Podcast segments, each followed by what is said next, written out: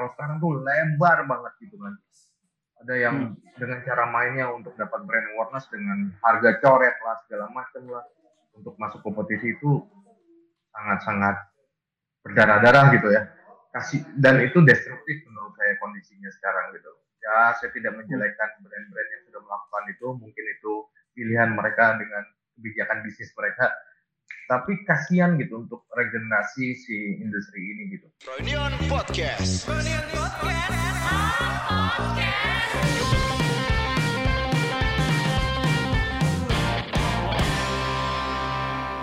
Selamat datang kembali di Froynon Podcast episode ke 101 Ini adalah awal dari tahun 2002 Saya Haris Franky, kali ini sudah bersama Mas Tebong dari Starcross Halo Mas Halo Makasih Mas sudah nyempatin waktunya. Saya tuh tadinya mikir Mas Tebong ini tinggalnya di Jabodetabek loh. Karena sering apa ya, sering nongol di media-media uh, teman-teman juga terus sering kolaborasi sama media teman-teman juga gitu. Makanya saya saya pikir ah yaudah deh undang ke studio di Bintaro eh, ternyata di Jogja. Um, untuk kalian yang belum tahu uh, Mas Tebong ini adalah founder dari Starcross. Starcross adalah clothing line yang berbasis di Yogyakarta, betul Mas? Betul. Uh, kalau menilik dari beberapa interview Mas Tebong ini kan dulu kuliahnya bukan ada apa ya nggak ada urusannya dengan bisnis dan clothing gitu ya mas? Nggak ada. Dulu ngambil jurusan kuliah apa mas? Saya jurusannya teknik industri. Sebenarnya masih relate sih dengan apa yang saya lakukan gitu. Cuma dengan gaya gaya industri yang saya mainkan agak berbeda dengan ilmu akademisi yang saya dapat. Hmm. Ke situ sih. Uh, dan itu sih karakter ya, tergantung foundernya ataupun pelaku industrinya berbackground latar belakang seperti apa gitu cukup diplom uh, dilema, dilema dilema ya maksudnya dengan kondisi yang saya dapat saya kan uh, eh, S1 dan S2 S1 nya saya teknik industri S2 nya saya teknik industri lagi gitu. dengan cara ilmu akademik juga yang saya dapat di S2 nya itu kurang menunjang apa yang saya jalani sekarang mm -hmm. Berarti semua itu belajar ini ya, apa uh, learning by doing ya mas ya? Betul, betul banget. Waktu itu uh, pertama kali mencetuskan mau bikin brand itu karena apa mas? Reasonnya? Reasonnya karena saya punya kemampuan desain, desain grafis, dan saya menyukai desain grafis di era itu. Uh, Star Wars kan dimulai di tahun 2004 ya, 2004. Itu saya kuliah di tahun 2001 dan lu di era-era itu musik era musik independen tuh yang cukup menggeliat gitu dan saya juga senang musik saya juga main skate uh, jadi di situ berkecamuk tuh kuliah lingkungannya circle-nya kemudian senangnya gitu kan yeah. Iya. uh, kemudian saya juga uh, kerja di dunia uh, sablon gitu waktu itu sempat saya nyablon stiker uh, ngelipatin kaos finishing gitu maksudnya saya senang dengan dunia itu mm-hmm. grafis desain kemudian diwujudin ke produk gitu kan yeah. Iya. uh, so, apa yang saya senang dengan musiknya seperti apa, lingkungan seperti apa itu yang membentuk saya. Akhirnya, akhirnya saya bisa nih bikin brand gitu. Dan hmm. mikirnya bukan bisnis waktu itu, mikirnya cuma mengaplikasikan apa yang saya bisa gitu. Hmm. Emang kalau kita mundur ke saat itu dapat ilmu belajar desainnya itu dari mana mas? Kan bukan dari kampus dong? Bukan, bukan banget. Karena tertarik gitu kan, tertarik uh. maksudnya zaman dulu tuh ngedesain flyer flyer band, flyer oh, iya. band anak -anak acara. Ya, acara gitu kan. Itu karena kita memang punya komputer gitu pada saat saya dari SMA juga udah ngulik Corel Draw zaman dulu kan. Oh iya. SMA tuh udah ngulik gitu kan, mau ngeliat album kaset gitu, saya pengen bikin baru gitu album kasetnya, saya bisa nggak gitu dulu album si uh, apa namanya band-band dulu gitu kan ngelihat dunia grafis itu poster hmm. uh, segala macam senang gitu yeah. ya belajar sendiri gitu kan ya sudah berjalannya waktu akhirnya saya pun di industri maksudnya saya jaga toko dulu jaga toko juga sangat senang gitu hmm. uh, jadi itu media informasi dulu tuh di Seru ataupun toko gitu kan uh, buat kita dapetin majalah apa gitu buat dengerin album apa yang baru gitu karena anak-anak ini ngumpul di situ kebanyakan gitu jadi kita uh, konsumsinya seperti itu gitu. Oke, berarti dari awal tuh nggak ada kalau sekarang kan mostly orang yang baru bikin brand itu ambisius ya, target gitu, target oriented gitu. Berarti kalau dulu cuma aplikasi aja ya mas ya? Mengaplikasi aja, nggak kepikiran. Kalau ini dapat duit nih, jualan laku ya, bikin kaos gitu, ada yang beli gitu. Kalau dulu yang beli mah teman-teman gitu, yang beli teman-teman pun paling ngasih untung berapa sih gitu kita jual kaos masih enam puluh lima ribu gitu kan hmm. uh, kita bikin kaos masih dua puluh delapan ribu tiga puluh ribu ya udah bayarin empat puluh ribu gitu ngelebihin sepuluh ribu kita kita udah tenang gitu kan yeah. padahal jual di toko enam puluh ribu gitu, zaman dulu berarti kalau boleh mundur lagi ke waktu itu pada momen apa atau pada saat apa mas sadar kalau oh ini itu udah bisnis nih gitu di saat jalan empat tahun Oke. Okay. Jadi 2004 saya mulai 2006 saya lulus S1 hmm. itu masih masih bimbang 2008 saya lulus S2 saya mulai panik tuh ini saya lulus hmm. kuliah S2 juga bukan karena saya senang sekolah ya terus kenapa tuh mas karena saya bertahan di uh, di Jogja saya senang di Jogja gitu karena kan image hmm. dan bukan image sih budaya kemudian budaya era itu kita ngomong mau profesi kita apa dan di basic keluarga saya juga latar belakangnya semuanya PNS ya uh, mereka hmm. melihat bahwa bekerja itu uh, di corporate BUMN ataupun pegawai negeri pegawai negeri itu lebih bernilai gitu dibanding melihat anaknya kasarannya naik motor naik motor bawa karung gitu cuman dulu saya masih kayak gitu, gitu. bawa karung nganter barang ke toko-toko gitu kan uh, ke toko-toko nitip dijual waktu itu jadi hmm. 2004 sampai dengan 2008 saya masih titip jual ke toko-toko. Ya. 2009 saya baru punya toko gitu kan, baru punya toko sendiri ya karena 2008 saya membulatkan tekad bahwa ini hidup saya gitu. Saya akan memperjuangkan mimpi saya, hidup saya ya brand ini akan menjadi brand yang besar gitu. Brand ini bisa menjadi pegangan hidup, brand ini bisa ikut tumbuh dengan teman-teman saya yang ada di Starbucks sendiri gitu. Itu hmm. yang bikin saya mulai oke, okay, mulai menata, menata, menata dan dan uh, belajar terus gitu untuk bikin brand itu uh, tumbuh, berkembang dan makin baik. Gitu. Kalau berarti waktu itu tolok ukur indikator kesuksesannya apa tuh mas? Yang setelah empat tahun akhirnya di sini nih hidup gue nih apa tuh waktu itu? Uang ya? Uang sih pasti ada. Cuma sebenarnya yeah. kalau di compare itu tetap dilihat orang sebelah gitu sebelah mata. Ataupun uh, dengan apa yang saya pegang ya maksudnya apa yang saya pegang orang melihatnya masih belum sebanding gitu dengan uang yang didapat. Maksudnya dalam artian masih kecil lah gitu. Saya lulusan S2 kalau teknik industri UGM gitu. dan secara packaging gitu packaging masih pakai celana pendek sepatu motoran gitu kan bawa karung gitu kan udah oke okay, gitu kan beda lah maksudnya itu budaya kita kan melihat orang dengan packagingnya uh, saya tapi melihatnya kecintaan saya terhadap industri ini gitu, kecintaan saya terhadap brand ini gitu. Saya yakin dengan hati kecil saya, saya menyintai ini gitu. Dan pada saat kita sesuai dengan passion kita gitu kan, kita akan memperjuangkannya sampai di titik mana gitu. Dan di situlah saya mulai mempelajarinya makin dalam, makin dalam bukan hanya untuk bikin desain laku senang gitu. Tapi kan di sini ada nilai-nilai yang harus dibawa terus dan punya tujuan yang besar gitu tujuan mimpi yang besar. Berarti itu berangkat dari semangat kurang lebih komunitas rootsnya gitu ya mas ya? Ya benar. Dari beberapa interview juga Mas Tebong sendiri selalu bilang uh, ini semangatnya berangkat dari komunitas musik, uh, hobi, ekstrim sport dan lain-lain gitu. Selalu support gitu ya mas ya? Ya.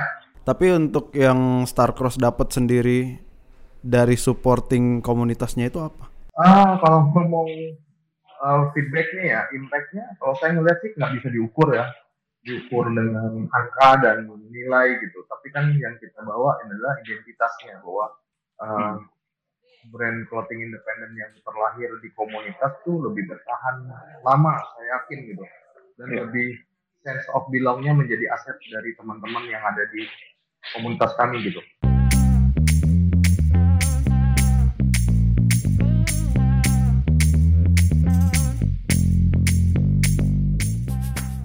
Tapi kalau Mas Tebong sendiri berarti setelah 17 tahun itu sempat ngelihat beberapa pola komunikasi atau tren berarti kan ya?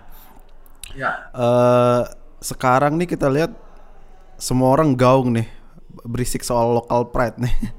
Ya, Apa yang berubah sih mas dari pandangan mas dari dulu sama sekarang tuh? Setelah sekarang kan semua orang melek tuh ya. Kalau dulu kan ya beli anak komunitas doang yang tahu misalnya kalau em, yang anak Jogja yang nyampe doang lah yang mungkin pakai Star Cross gitu ya. benar. Sekarang tuh kan makin marketnya makin wide, makin lebar gitu kan. Dengan uh, campaign lokal pride ya bagus banget gitu maksudnya memberi kesadaran bahwa uh, masyarakat kita gitu ataupun market kita untuk beli dukung brand lokal gitu. Tapi kan yang jadi jadi tanda kutip yang saya tadi bilang tadi bahwa sebenarnya kalau ngomong brand lokal bukan hanya brand itu terlahir di lokal, produksinya di lokal gitu kan. Tapi uh, ha- harus bisa membawa nilai bahwa itu memberi impact ke komunitasnya, mau itu komunitasnya terlahir di lingkungan apa gitu kan. Uh, misalnya kayak Sakos di Jogja terlahirnya karena komunitas musik dan uh, skateboard gitu kan, uh, skateboard, komunitas kreatif di Jogja lah. Dan mereka selalu dan terus akan support pergerakan ataupun kegiatan yang yang mengandung hal itu. Hmm. Uh, hampir sama lah dengan teman-teman yang di Bandung juga gitu kan. Tapi kan kondisi sekarang kami dulu setiap brand itu satu sama lain saling kenal, bisa saling kenal gitu. Oh sekarang tuh udah nggak bisa saling kenal gitu, nggak perlu kenal juga gitu kan. Ya, karena apa? Karena mereka bikin brand, produksi, kemudian jualan, mereka nggak perlu kenal orang. Yang penting mereka punya akun aja di salah satu marketplace sudah bisa jualan gitu. Kalau kita kan Hmm. teknikalnya era kami gitu menjual mencari informasi itu harus berjejaring gitu. Iya. Eh, berjejaring, berjejaring dengan lew- lewat musik, berjejaring dengan lewat eh, eh, banyak hal lah gitu kan. Tapi kalau kamu nggak kenal, kamu nggak bisa jualan barang ke Makassar gitu. Kamu nggak kenal, Iya. nggak bisa jualan barang di Kendari, di Samarinda gitu. Jadi semuanya saling berteman gitu. Hmm. Sekarang nggak perlu tiba-tiba udahlah on udah live di salah satu marketplace udah Hmm. Itu aja digital marketingnya udah cukup gitu Eh, itu sih yang ngebedain gitu jadi emosinya terhadap eh, industri ini jadinya kurang gitu. Tapi kalau sepengamatan gue sendiri Starcross nggak ada kesulitan untuk adaptasi sama trennya sih. ya karena saya belajar terus jadi. Iya. untuk adaptasi terhadap keadaan memang ya itu kuncinya salah satu mungkin kalau ngomong kondisi sekarang gitu kondisi pandemik segala macam eh, banyak kok teman-teman nanya kok bisa ya Starbucks masih masih masih survive ataupun masih bergairah ataupun masih growth? Kita kita masih ada di situ gitu di, di semua di semua fase itu gitu yang dari 2004 untuk 17 tahun kan mungkin kita udah ngelewatin dua fase ataupun udah sekarang fase ketiga gitu. Iya. ya sayanya masih mencintai industri ini saya masih main sama anak-anak. Maksudnya anak-anak yang ada di skena lagi rame apa sih market behaviornya seperti apa gitu kan. Maksudnya saya mempelajari itu juga gitu.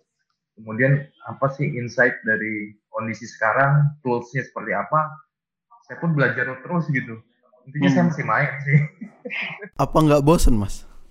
Selama itu? namanya orang cinta kok seneng kok. Ya mau ngomong enggak tapi kalau ditanya pernah bosan pernah. Hmm. saya ditanya pernah bosan ya pernah namanya kita eh, melakukan hal yang sama terus kok cuma kan beda gaya. Selama gairahnya masih ada ya saya terus ngulik sampai hari ini pun kita ditanya eh, kayak 17 tahun kemarin kan Starbucks ngeluarin program Your Has No End gitu kan. Iya. Eh, itu kan salah satu bentuk semangat kami buat ke depannya bahwa kami itu masih tetap mencintai apa yang kami lakukan dulu. Eh, kami tetap mengambil irisan bahwa anak muda lah yang yang merubah ini semua melakukan Hmm. jadi uh, dengan banyak kegiatan kami dengan kegiatan lomba desain Star Cross yang yang virtual yang kemudian bikin uh, graffiti di jalan gitu street art kita ngajak uh, teman-teman untuk merespon dinding dan lain-lain kemudian bikin lomba kompetisi skate. Yang yang terakhir sih programnya itu waktu itu kita kolaborasi sama 9 brand. Berarti eh, kalau boleh menyederhanakan tuh mas, yang harus dimiliki misalnya gua nih misalnya mungkin Froynion lah, Froynion kan pu- punya merch juga tuh. Kira-kira apa sih sebenarnya yang harus dituangkan ke kaos itu? Sebenarnya semua orang bisa bikin kaos kan ya. Tapi kalau tadi kita sebut beberapa nama kayak maternal, langsung ketahuan tuh dia itu berdiri di daerah mana. Ketika saya misalnya melihat teman saya pakai kaos maternal, oh berarti dia ini suka musik metal. Dia udah ketahuan tuh orang-orang kayak gimana. Berarti apa sih mas yang sebenarnya harus dimiliki kalau uh, orang mau bikin brand gitulah sederhananya? identitas sebenarnya. Identitas itu kan luas. Kan? Hmm. Identitas itu dengan Hmm. gambaran kita interestnya di mana gitu. Dan kemudian itu muncul menjadi uh, karakter si brand tersebut dan akan di, diperhatikan oleh market yang senang seperti apa. Ya tadi keywordnya kan udah jelas gitu. Kita bahas case-nya maternal gitu, maternal dengan hitam, dengan logonya, dengan segala macam ya pasti peminatnya dalam musik keras segala macam. Tapi sebenarnya nggak semua musik keras juga yang beli maternal. Ada yang uh, banyak lah, tapi dengan dengan dia memberi identitas musiknya kental, ya semua pecinta musik yang seperti itu ya akan menyertai itu. Gitu. Begitu juga dengan Starcross gitu. Starcross sendiri dengan warna pop dan uh, dianggap dengan punya tagline Wild Youth-nya itu kan uh, semua lebih lebar lagi gitu kan. Dia punya kaos hitam, dia punya kaos warna pink, dia punya kaos yang berwarna segala macam, tapi dengan gaya desainnya Starcross ya, itu karakter pasti Hmm. orangnya dinamis segala macam. Gitu. Gue sih sebenarnya pengen balik ke poin tadi kita ngebahas setelah beberapa fase dilewatin Starcross itu sekarang kan fasenya kalau sepenglihatan gue sepenglihatan gue tuh udah perang harga tuh sekarang mas Ya, ya. Sekarang kayak sirkuitnya sirkuitnya serem sekarang gitu. Sirkuit orang di industri ini gitu terlalu banyak pilihan ya soalnya. Banyak pilihan mau masuk sirkuit mana nih sirkuit MotoGP kah, Superbike kah, road race kah, kasarannya gitu Iya. ataupun drag track, motocross gitu kan. Zaman dulu kan Hmm. ya udah kita ngomong brand clothing ataupun ya lawannya benchmarknya ada head to headnya siapa gitu kompetisinya seperti apa. Kebaca kalau sekarang tuh lebar banget gitu kan. Ada yang dengan cara mainnya untuk dapat brand awareness dengan harga coret lah segala macam lah untuk masuk kompetisi itu sangat-sangat berdarah-darah gitu ya. Kasih dan itu destruktif menurut saya kondisinya sekarang gitu. Ya saya tidak menjelekkan brand-brand yang sudah melakukan itu mungkin itu pilihan mereka dengan kebijakan bisnis mereka.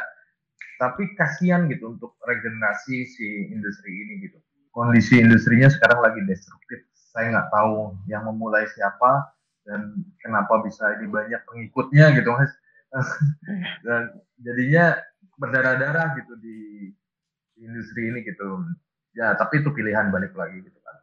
Uh, sedangkan buruknya kalau saya ngeliat impact ke depannya tuh regenerasi buat di industri ini tuh agak berat gitu. Ada yang memulai dengan modal yang kecil gitu untuk jualan di marketplace segala macam. Itu kok ada yang jualan. Ya nggak mungkin mereka bikin sedikit harganya bisa murah mas. Mereka pasti harganya pasti mahal gitu kan. Iya. sedangkan yang lain yang jualan yang bikin barangnya beratusan ribu ataupun satu artikel SKU itu bisa sepuluh ribu dua puluh ribu dua ribu lima ribu. Jangan dibandingkan dengan yang bikin dua lusin ataupun selusin gitu. Itu akan susah gitu dan tumbuh kembangnya pun jadi role model yang menurut saya itu kurang baik buat buat ke depannya gitu Ya. butuh sosok lain lah gitu yang yang di depannya nanti mungkin memberikan sesuatu impact buat pelaku-pelaku mudanya yang berikutnya untuk melihat bahwa oh ada jalur sirkuit yang yang seperti ini gitu. Sedangkan Hmm. nggak nggak terblow up kan, yang adanya semuanya eh, bikin barang, volume jualan online yang besar, kemudian eh, bisa melakukan aktivasi di luar negeri dan dianggap go internasional. ya begitu gitu kan. Padahal sebelum-sebelumnya juga banyak yang benar-benar go internasional ataupun berjualan ya, bukan bikin kegiatan gitu. Berkegiatan di sana tapi benar-benar berjualan banyak gitu teman-teman di luar di, di industri ini gitu yang juga berkolaborasi dengan brand luar gitu. Mhm. Contoh paling bukan tanpa menyebutkan nama brandnya ya. Contoh paling bah bahayanya itu apa ya mas ya? Kalau misalnya saya nanti bikin brand tuh dengan strategi seperti itu, katakanlah saya punya modal. Contoh paling bahayanya itu kira-kira apa ya yang mungkin bisa terjadi? Ya nggak akan lama. nggak ada nilai yang Hmm. dibawa nggak bingung mencari identitasnya Oh iya. pada saat itu kita ngomong kesalahan di awal gitu ya Hmm. Eh, belum nanti di tengahnya ada apa lagi yang jadi masalah kan ya intinya mau mengejar volume Ya. Untung sebanyak-banyaknya. ya. uh, untung banyak banyak mungkin untuk mereka juga tipis dengan jualan dengan jualan di harga segitu gitu tapi kan volumenya besar jadinya untungnya besar Uh, ya balik lagi dengan rumus ekonomi gitu piramida market gitu kan yang market di bawah pasti lebih lebar lebih besar gitu kan Uh, tapi sebenarnya itu itu uh, kebijakan bisnis lah gitu ya tapi yang jadi masalah itu harus ada nilai yang di bawahnya gitu nilainya lebih ke lebih ke kayak tanggung jawabnya kita gitu terhadap apa pun yang ada di sekitaran kita gitu. Kalau ngomongin itu kan tadi udah formula yang satu tuh. Misalnya kita ngomongin formula Starcross nih. Gampangnya sepenglihatan gua tuh berarti cara paling gampang untuk mendapatkan identity tadi dengan main ke komunitas. Iya, kamu merepresent komunitas apa yang kamu akan kamu bawa, Hmm. ya, ataupun eh, akan memberi sesuatu represent apa sih Starbucks ini untuk di di marketnya gitu. Untuk nyarinya itu apakah foundernya harus tahu dulu mas awalnya arahnya mau ke mana gitu-gitu? Ya harusnya tahu gitu. Kalau nggak tahu Hmm. kan bingung lah ya. Kalau foundernya udah nggak paham, cuma paham secara bisnis gitu nilai ekonomi gitu dengan dengan pengetahuan entrepreneurs.it.com dan lain-lain ya itu juga sih yang bikin industrinya jadi aduh ini kenapa seperti ini? gitu. Sedangkan terlalu banyak informasi yang menyebabkan semua mendadak pengen eh, entrepreneur. Ya bagus itu bukannya nggak bagus tapi kan eh, jadinya kayak kalau bayi belum saatnya lahir tuh apa tuh Prematur. prematur jadinya banyak pengusaha-pengusaha prematur jadi latah Oh. semuanya jadinya nggak nggak tepat gitu sedangkan mereka kurang kurang diasah di di lapangan mereka di industrinya mereka jadi cuma digital aja gitu Iya digital aja nggak ada aktivasi komunitinya, nggak ada represent apa, susah juga sih. kayak saya juga dulu nggak nyangka brand saya bisa diterima teman-teman gitu kan. Maksudnya karena nggak desain kemudian ada yang teman ngomong bong jelek bong namanya bong. Ah ah gue coba aja tetap tapi kan sebenarnya itu jadi bahan evaluasi gitu kan. Bukan Ya. satu arah gitu saya pengen bikin brand kemudian saya tampilin di depan komputer saya saya tampilin di akun marketplace saya yang ada gitu kan. Jadi lingkungan itu bagus gitu bukannya nggak bagus. Mhm. kemudian eh, teman saya yang main musik pada saat mau manggung dia pengen nggak pakai manggung pakai produk saya itu jadi indikator kita gitu Ah, Oke. segampang itu gitu kan Iya, iya, iya. iya. Nah, pada saat itu tumbuh banyak yang tahu banyak yang senang banyak yang pakai ya kita scale up lagi ke ranah yang lebih besar gitu. Hubungan antara Mas Tebong dengan audiens dari Starcross sendiri. Apa yang berubah setelah 17 tahun ini? Eh, saya lebih lebih kalau saya ya di, di, di perusahaannya gitu di secara personal dengan startup saya lebih kayak memikirkan strategi lebih lebih lebih banyak mikir gitu ataupun bukan bukan banyak mainnya ya mainnya otomatis berkurang gitu. Eh, kemudian ke audiens pun saya lebih banyak mempelajari. Kayak sekarang pun saya masih ya mungkin teman-teman banyak juga saya masih pegang adminnya Starbucks gitu untuk mempelajari apa sih yang dicari mereka apa maksudnya sambil saya buat analisa saya di kantor besok mau ngapain gitu kan. Kayak sekarang tuh kan kayak Starbucks tuh kan kayak band ya kalau bisa dibilang kalau kita pengen tahu gitu. Saya selalu memperlakukannya kayak band. Saya sebenarnya musisi gagal sebenarnya kalau di jadi saya anggap aja Starbucks itu sebuah band. Kemudian saya sebagai produsernya kemudian Starbucks ini bisa tampil di mana sih ataupun masih banyak nggak sih yang suka lagu-lagunya gitu kan Keren. Nah, PR-nya adalah memang sebuah brand itu adalah regenerasi regenerasi untuk karyanya diterima terus sama generasinya sekarang gitu kayak kalau kita tarik gitu kan audiensnya kan pasti berbeda gitu Mhm. yang dulu beli Starbucks tahun 2010 ataupun 2008 sekarang udah yang beli untuk anaknya gitu. Saya tuh sampai punya temen gitu yang memang dari zaman saya kuliah dia cukup support saya gitu untuk untuk belanja Starbucks. Jadi dia belanja, eh ini bikin apa bikin tas, coba lihat bang. Eh oke nih, tak beli dah, diskon ya, oke ya diskon. Ya. Dia kemarin beberapa bulan yang lalu datang ke toko bawa anaknya yang anaknya kelas 5 SD gitu. Saya tuh sampai sekarang anaknya yang beli tas Starbucks dulu bapaknya gitu. ya itu cukup suatu prestasi yang saya bilang itu nggak ternilai ya. Maksudnya saya bisa mempertahankan band ini bernama Starbucks dan sekarang penontonnya adalah anaknya gitu kan. Hmm. anaknya pun bisa ngomong bahwa ini anakku yang minta loh bukan aku yang minta. Dia kedengeran bahwa kemarin kamu collab sama Indomie kan? Ini aku collab sama Indomie gitu, tahun 2019 nah begitu gitu Ah, jadi brand activation itu wajib gitu jadi pun untuk menggapai market regenerasinya pun terus ada gitu. Hmm, Biasanya dengan apa mas untuk mengajar apa ya, catching up the trends gitu-gitu harus ngapain sih? catching up the trends tuh eh, kalau kita lihatnya kalau saya di kantor ya lihatnya tuh lebih kayak eh, musik udah pasti Hmm. kalau sekarang kayak musik tuh kan kayak saya tadi baru ngebahas tuh sama teman-teman. Obrolan makan siang lah. Bahwa K-pop tuh bakal lima tahun ke depan tuh masih ada gitu. karena lima tahun ke belakang itu mereka mulai hidup gitu kan. Ya mau gimana pun mereka mempengaruh berpengaruh terhadap cara fashion anak muda zaman sekarang gitu. Meskipun penerapannya nggak eh, kita tergantung brandnya ya. Kita tidak akan menelan mentah-mentah seperti apa sih K-pop industrinya kayak gimana gitu kan. Dan kemudian fashionnya gitu. Tapi secara warna kemudian gaya fashionnya seperti apa itu akan berpengaruh ke anak sekarang. Itu udah pasti gitu.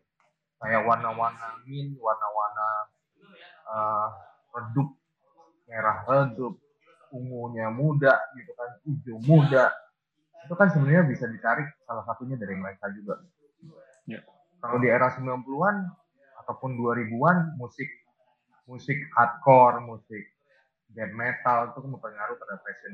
Orang pakai celana kargo tuh udah jelas dia musiknya pakai hardcore gitu kan kaosnya hitam gitu kan. Iya. Eh, kemudian pada saat dia pakai kemeja flanel dia akan ngomong dia senang dengan Nirvana, Grang dan lain-lain lah. Kemudian dia suka blur gitu kan.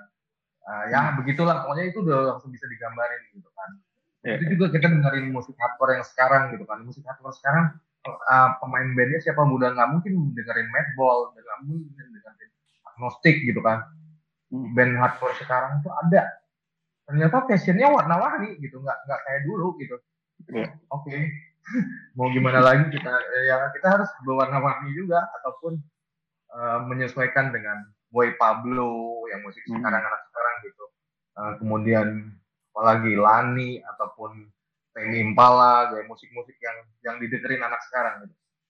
Itu kan jadi menjadi tolak ukur buat kami mengambil keputusan untuk em, aktivasi brand segala macam lah. Oke, eh, tapi apa nggak jadi sulit ketika suatu brand harus beradaptasi dan di sisi lain dia juga harus menjaga esensinya? Kayak Starcore sendiri udah 17 tahun kan akan ribet tuh menjaganya. Kalau di kantor gimana mas? kalau kayak kita sih memang saya sangat idealis untuk itu ya maksudnya saya cukup kayak musik aja saya nggak mau dengar kadang-kadang kalau musiknya saya nggak suka gitu musik baru gitu Iya. Nah, Saya juga gitu.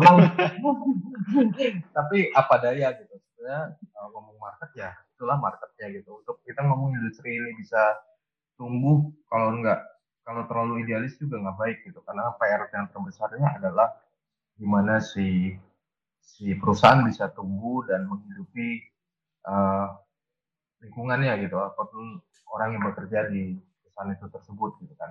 Mhm. yang mau nggak mau kita ngikutin gitu ngikutin ya pun dengan dengan toleransi yang kita buat gitu. Eh, dengan idealisme yang benang merah yang masih tetap kita jaga gitu. Meskipun kita mengambil insight-nya dari banyak banyak faktor gitu, banyak kejadian gitu yang ada di yang mengandung eh, apa mempengaruhi lifestyle anak muda sekarang gitu kan. Gitu jadinya nggak nggak ditelan-telan mentah-mentah adaptasi pure gitu. Tiba-tiba Starbucks bikin bikin TikTok joget-joget dengan background K-pop nggak itu nggak terjadi gitu kan. Iya. Oke Eh, oke. apalah gitu dengan kondisinya. Sejauh ini sih enggak yang kita ambil aja cuma insight berapa persen dari untuk menerapkan ke produk gitu. Kalau kita ngomongin industri ini tuh pasti sedikit banyak Mas Tebong ngeliat lah tren thrifting ya Mas ya. ya Ada dampak langsung nggak Mas ke Starcross dari tren thrifting 2-3 tahun belakangan? pasti ya kalau ngomong thrift kan masih masih ngomongnya adalah market beli baju gitu kan mereka sekarang bergeser beli bajunya carinya yang second yang yang punya nilai vintage-nya gitu kan. Yang jelas ya kita pun akan berpikir untuk eh, menyikapi kejadian ini gitu. Cuma kalau ngomong thrift kan zaman saya kuliah juga saya udah thrift gitu. Karena nggak mampu beli barang baru gitu kan. Ya sudah ada ada pilihan gitu. Ada yang suka cari barang second ada yang suka memang cari barang baru kemudian tapi barang lokal kemudian dia tahu eh, harganya juga nggak mahal gitu kan. Hmm. nah ya itu memang pasti terjadi gitu. Yang paling berat itu kan sebenarnya lawannya adalah bukan trade maupun apa. Yang kondisi sekarang adalah brand global fast fashion gitu ya. Itu itu sangat sangat ganggu gitu. Kita bisa ngomong salah satu brand Jepang yang datang ke Indonesia dengan toko keren putih bersih warnanya merah gitu kan. Hmm. itu kan saya sebagai pelaku industrinya aja masuk ke toko itu gitu bisa jatuh mental loh dengan jatuh Wow. mental tuh nih mereka bikin barang sebagus ini ya Eh, barangnya basic semuanya tapi ya mental kena gitu Iya. semua barang yang dibutuhkan tuh ada di situ gitu Berarti apa tuh Mas yang misalnya eh, harus kita kejar ke apa ya ke standar internasional katakanlah ya, yang brand-brand lokal harus kejar apa tuh? Balik lagi kalau mereka kan fashion ya maksudnya eh, mereka cepet banget bikin produk segala macam volume segala macam tapi balik lagi bahwa mereka itu tidak punya nilai nilai di lokalnya gitu. Hmm. Jadi contoh nih di Jogja ada juga toko seperti itu ataupun brand global seperti itu gitu. Mereka jual baju sama sama kita, cuma kan nggak ada pesan dan dan campaign apa yang dibawa terhadap lingkungannya gitu. Makanya Hmm. harusnya lokal tetap menjadi pasar di lokalnya. Jagoan di lokalnya. Iya, tapi kalau ngomongin Hmm, tapi kalau kita menilik ke campaign lokal pride itu belakangan ini dari yang saya lihat lumayan agak menggeser nih trennya, agak bergeser karena ada beberapa brand yang plek-plekan menjiplak gitu juga kan. Ada yang salah mengartikan kayak lokal pride berarti kita nggak peduli kualitas fashionnya, yang penting kita beli aja tuh. Ada juga yang kayak gitu. Pandangan Mas sendiri gimana Mas? Kalau misalnya local pride tapi kan kita harus tetap ngelihat eh, esensinya, terus eh, kualitas produknya, kayak gitu-gitu harus diperhatikan juga kan nih. Iya, eh, untuk hal itu kan edukasi yang yang paling penting gitu kan, edukasi yang tepat gitu. Mau ngomong lokal pride itu kita bangga terhadap buatan lokal, tapi kan untuk kita memilih kan banyak gitu.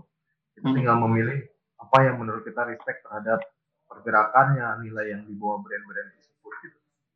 Mhm. Dan over local pride pun juga nggak baik gitu, jadi banyak terjadi gitu kan, over culture, Iya. Ya, maksudnya ada yang batas-batas yang memang harus diperhatikan gitu. Itu tuh yang kalau kita boleh langsung ke masalahnya itu sebenarnya bermasalah di mana sih Mas? Apakah pelaku bisnisnya, apakah marketnya yang perlu diedukasi? Dua-duanya. Oke. Eh, karena pada saat kita ngomong marketnya diedukasi, tapi pelakunya banyak juga yang belum teredukasi bahwa ngomong lokal pride itu harusnya tepatnya seperti apa, esensinya seperti apa itu harusnya mereka tahu. Jadi mereka melakukannya hal yang sama. Gitu. Kalau yang di di educate cuma marketnya juga nggak akan sampai kalau pelakunya masih sama. Gitu.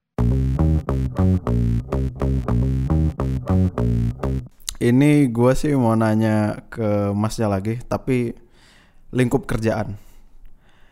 Yang paling sulit Mas, apa yang paling sulit dari pekerjaan lu sekarang? Manage teman-teman. Waduh, kenapa tuh? Bukannya enak ya kerja sama temen gitu?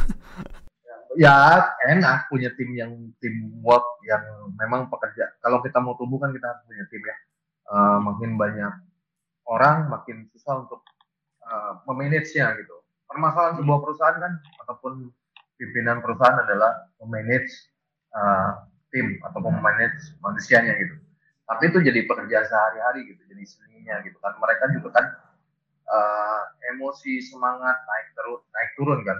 Nah, itu begitu juga kita sebenarnya secara pribadi gitu nggak nggak so bijaksana saya juga sebenarnya ya, baik-baik saja sebenarnya.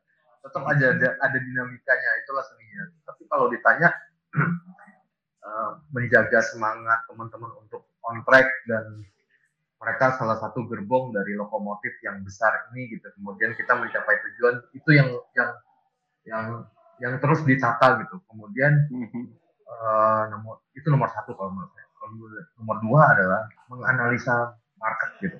Kalau dibilang seru seru, tapi sebenarnya susah gitu. Serunya tapi di situ tantangannya kan challenge-nya kan untuk mendapat hati orang untuk membeli produk kita. Uh, tapi itu challenge-nya yang serunya dan kita pasti sistem uji coba gitu. Uh, kita coba uh, jurus 1 sampai 10 kalau nggak nggak dapat ya kita cobain nih dari 1 sampai 10 ini mana yang harus dibenerin gitu. Tambahin jurusnya 11 sampai 20 gitu. Ya, ya begitulah pokoknya taktisnya gitu. Tapi seru. Yang saya alamin ya saya masih itu pun uh, akan menyebabkan kebosanan. Saya banyak melihat teman-teman saya yang brandnya cuma 10 tahun, 7 tahun. Karena mereka nggak bisa survive di dua poin itu kalau saya lihat gitu kan. Hmm. Uh, kalau secara teknis kan secara teknis dalam sebuah perusahaan sih kalau saya lihat itu kan kita nggak ngomong secara personal mau manage uang pakai gimana atau gimana itu balik lagi ke personal gitu. Ya rata-rata sih seperti itu gitu. Lu lu masih inget gak mas pengalaman pertama lu mecat orang? Ada. Dan saya cukup jarang mecat orang sampai orang itu benar-benar yang saya bilang ini saya panggil gitu kan. Saya panggil ngobrol baik-baik karena basicnya kalau startup sih memang uh, di kantor itu memang kita pertemanan banget ya ya saya juga membangunnya itu hubungan pekerjaannya itu pertemanan, kekeluargaan. Yang awal dari saya baru punya pegawai tahun 2008 ya. Baru dari 2008 saya punya pegawai satu kemudian satu dia punya teman dia ngajakin temannya untuk kerja. Terus terus terus. Rata-rata teman membawa teman ya saya memecat orang itu karena masalah etos kerja gitu etos kerja aja maksudnya kamu masuk kerja jam 10 kalau toh jam 9 atau kamu telat ya telat setengah sepuluh. Tapi kalau kamu datang jam satu ya harusnya ada alasan. Kamu nggak ngomong berarti kamu nggak menghargai saya gitu. Ya saya, ya hmm. seperti itulah idealnya kita kan. Iya. saya nggak berada di jalan kamu ada masalah apa sama saya gitu kan. Iya. Caranya gitu gitu. Kamu nggak masuk kerja tapi nggak pamit kan sama aja analoginya kan kayak gitu. Iya. Ya tapi agak repot sih padahal kerja sama teman gitu kan menyenangkan gitu ya. Ya tapi ada sisi yang nggak dilihat juga yang harus menjalankan perusahaan ini kan mereka tidak tidak aware ke arah sana gitu mas. Ya benar. Itu pahitnya. Hmm, mimpi paling liar Starcross apa sih mas? Mimpi dari Starcross adalah yang paling besarnya ya punya toko di luar gitu. Punya toko hmm. di luar dan diterima pasar luar gitu. Hmm. itu udah pasti mimpi mimpi umumnya pelaku brand clothing yang ada di Indonesia pasti punya semuanya di, diterima kalau untuk di Indonesia sendiri sih kita kayak ya tadi banyak yang menyukai karya-karya kami. Udah sangat mengapresiasi kami dan sangat membuat kami bisa bertahan di industri ini gitu. Sejauh ini pun kalau kita ngomong 17 tahun saya ngelihatnya sedikit ya, maksudnya ada banyak brand masih bergairah di 17 tahun gitu. Rata-rata yeah. setelah 10 mereka akan mengalami penurunan gitu. Kalau kita masih banyak gitu yang bisa kita lakuin setelah 17 tahun nih ngapain dan mimpi kita adalah Star Wars ini jadi legacy buat buat anak muda di di Jogja dan di Indonesia gitu. Amin. Mas ini akan jadi pertanyaan terakhir gue. Um, gue yakin banyak dari pendengar podcast ini yang atau dari pendengar lo yang apa ya punya misi atau punya impian untuk menjadi seorang founder dari suatu clothing line juga ke depannya. Um, lu mau kasih pesan apa mas buat mereka yang lebih muda yang punya mimpi untuk ngejalanin karir pet yang kayak sudah lu lewati? Satu sih yang saya ambil kesimpulan dari apa yang saya lakuin selama ini uh, konsisten sih. Konsisten itu penting itu kunci pokoknya. Mau emosi dinamikanya seperti apa, tapi kita selama kita konsisten untuk melakukannya berulang-ulang dan mempelajarinya dan mengevaluasinya sejauh ini pasti works gitu. Itu itu uh, benar-benar bekerja gitu. Uh, apa pun yang kalian lakukan dan itu konsisten mau apa pun itu dan itu pasti akan menjadi sesuatu kadang-kadang kan banyak yang bosanan ya dua tahun yeah. bikin usaha ataupun bikin brand kemudian udah nggak semangat lagi gitu. Lima tahun begitu juga tujuh tahun. Jujur aja orang kedengaran Starbucks kan bisa di 15 tahun ke atas ini gitu kan setelah Starbucks lulus padahal kita ngelakuinnya udah 15 tahun baru kalian kedengeran gitu ataupun udah 17 tahun di Jogja gitu. Uh, ya karena melakukannya sepanjang ini gitu kan nggak bukan waktu yang cepat bukan yang waktu yang mudah. Jadi nikmati aja prosesnya. Kadang semuanya pengen pengen cepat apalagi kondisi sekarang informasinya banyak gitu. Jadi tolak ukurnya kalau usaha dua, dua tahun nggak nggak berhasil ganti lagi gitu. Itu nggak nggak baik. Oke. Eh satu pertanyaan tambahan deh mas kalau boleh.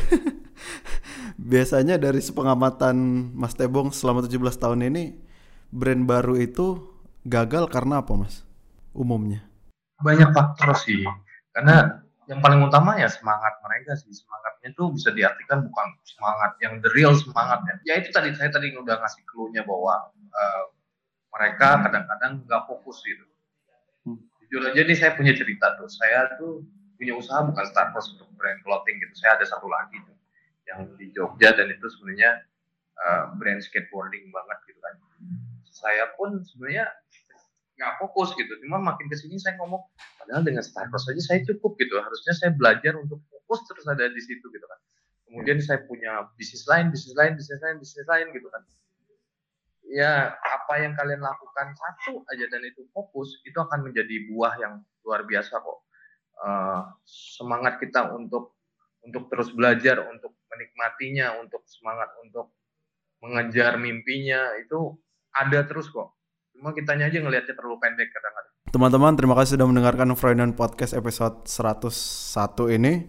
Mudah-mudahan kalian mendapat beberapa hal yang bisa diterapkan di struggling kalian masing-masing. Sampai jumpa. Thank you.